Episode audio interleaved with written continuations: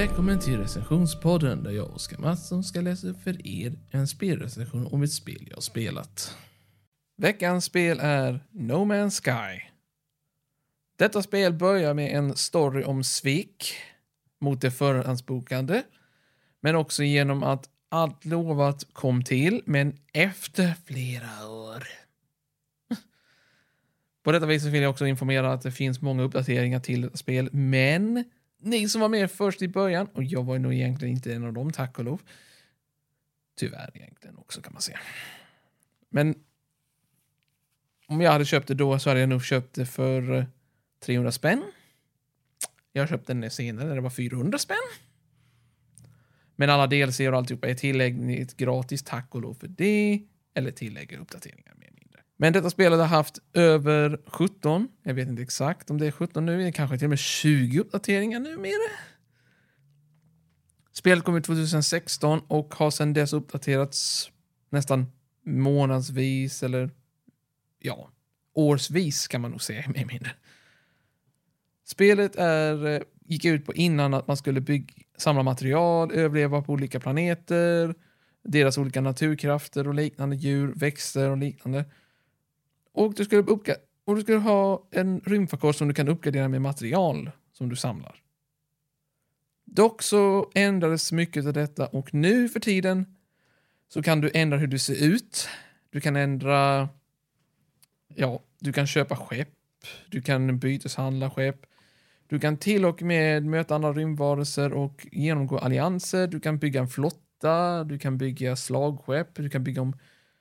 Ja, när det gäller slagskepp så är det mer eller mindre egentligen din eh, transport av materialskepp. Eftersom att du har ju inte tillgång till att styra dina skepp när de strider, det gör de automatiskt. Men du kan bygga upp din egna specialstyrka med fyra stycken andra utomjordingar och deras rymdskepp. Rekommendation, skaffa en som har S-klass. De är mycket bättre än du tror. Och då menar jag inte rymdskeppet utan rymdpiloten, för piloten har också rankningssystem från S till C. C som är sämst, S som är sweet. Men i alla fall. Rymdskeppen är också baserade på detta rankningssystemet från S till C, det vill säga A, B, D. Jag vet inte, D finns inte med förresten. Fel av mig.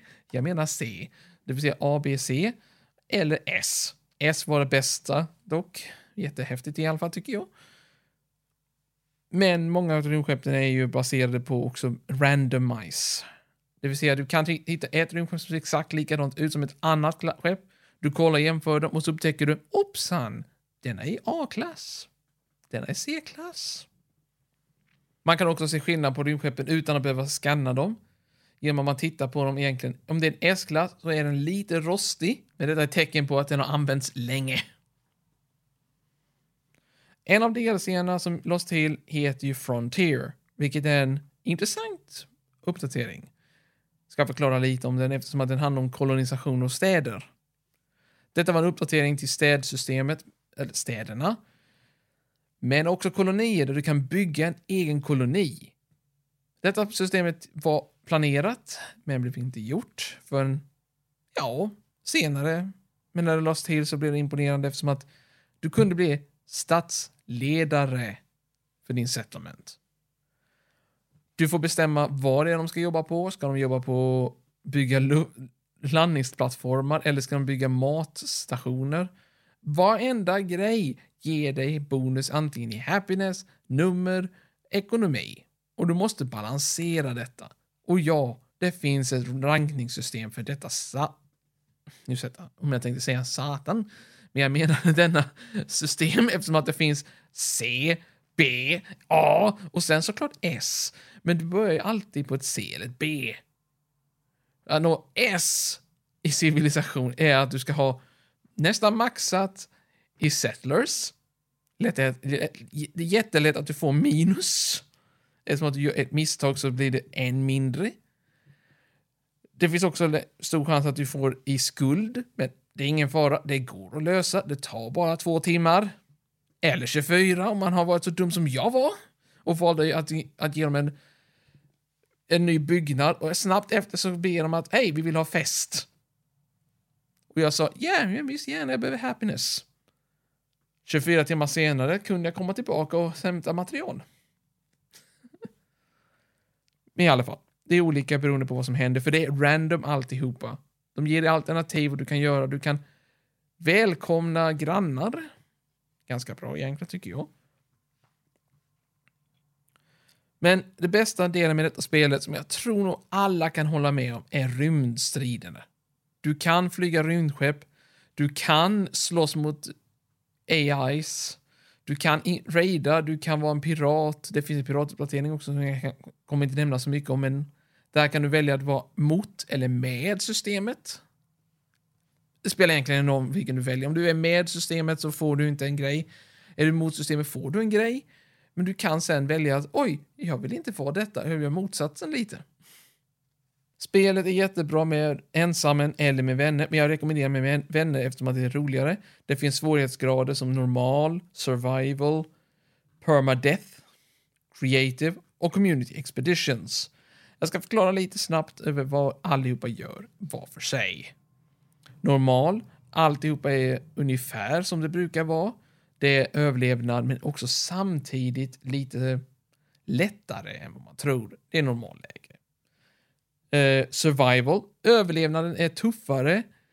Du har limited main med allt liknande. Du måste äta, du måste, du måste inte bara ladda ditt batteri på din rymddräkt för att kunna överleva naturfenomen.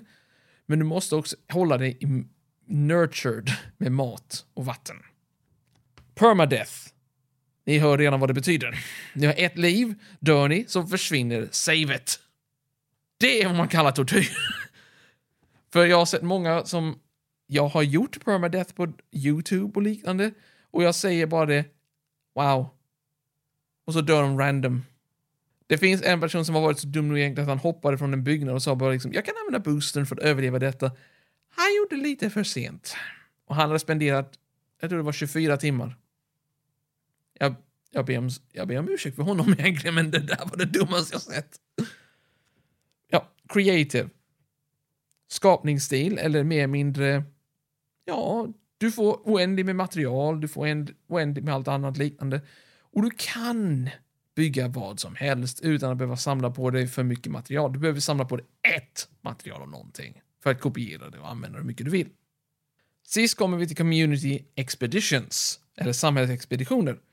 Dessa kommer hända då och då, i vissa månader, vissa veckor och de varar i två, tre månader, eller det beror på. Vissa expeditioner kan vara tre veckor, vissa kan vara i sex veckor, det beror på. De väljer själva, random. Dessa expeditioner är kopplade till vanligtvis en expeditionsuppdatering. Det vill säga som Frontier hade de en expedition och liknande. Dessa expeditioner ger dig tillgång till olika grejer. Så till exempel utstyrslar, karaktärer, rymdskepp, armor. Random grejer som du kan byta din utseende. Jättehäftigt tycker jag. Ja, och skaparna heter Hello Games. Det låter som en varningsklocka egentligen. Hello Games. Men jag säger bara detta egentligen. De gjorde jättebra jobb. Dock så var det så man ska nog inte låta en skapare snacka om spelet innan det är släppt. Det gjorde de och det slutade med att de nästan gick i konkurs. De nästan gick under. Spelet fick dåligaste review någonsin på, på release. Eftersom att spelet gick ut på bara en sak för. Nu gör det ju inte det, tack och lov.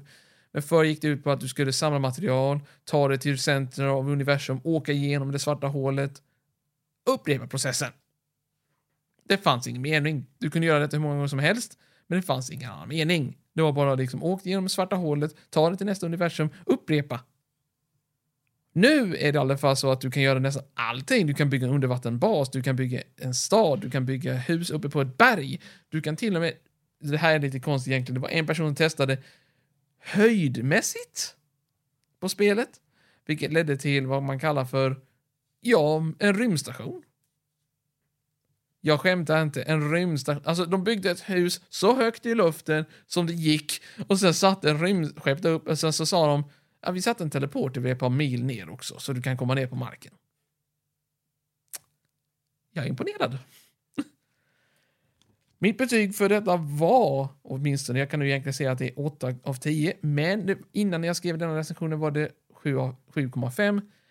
Men nu måste jag faktiskt höja det med 0,5 eftersom att det har varit så jättemycket uppdateringar och liknande. Så i mitt fall ser jag den som en 8,0 av 10. det vill säga precis 8.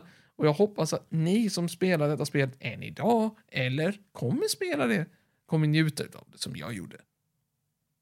Jag hoppas att ni njöt av denna recension. Tack för mig. Hej då!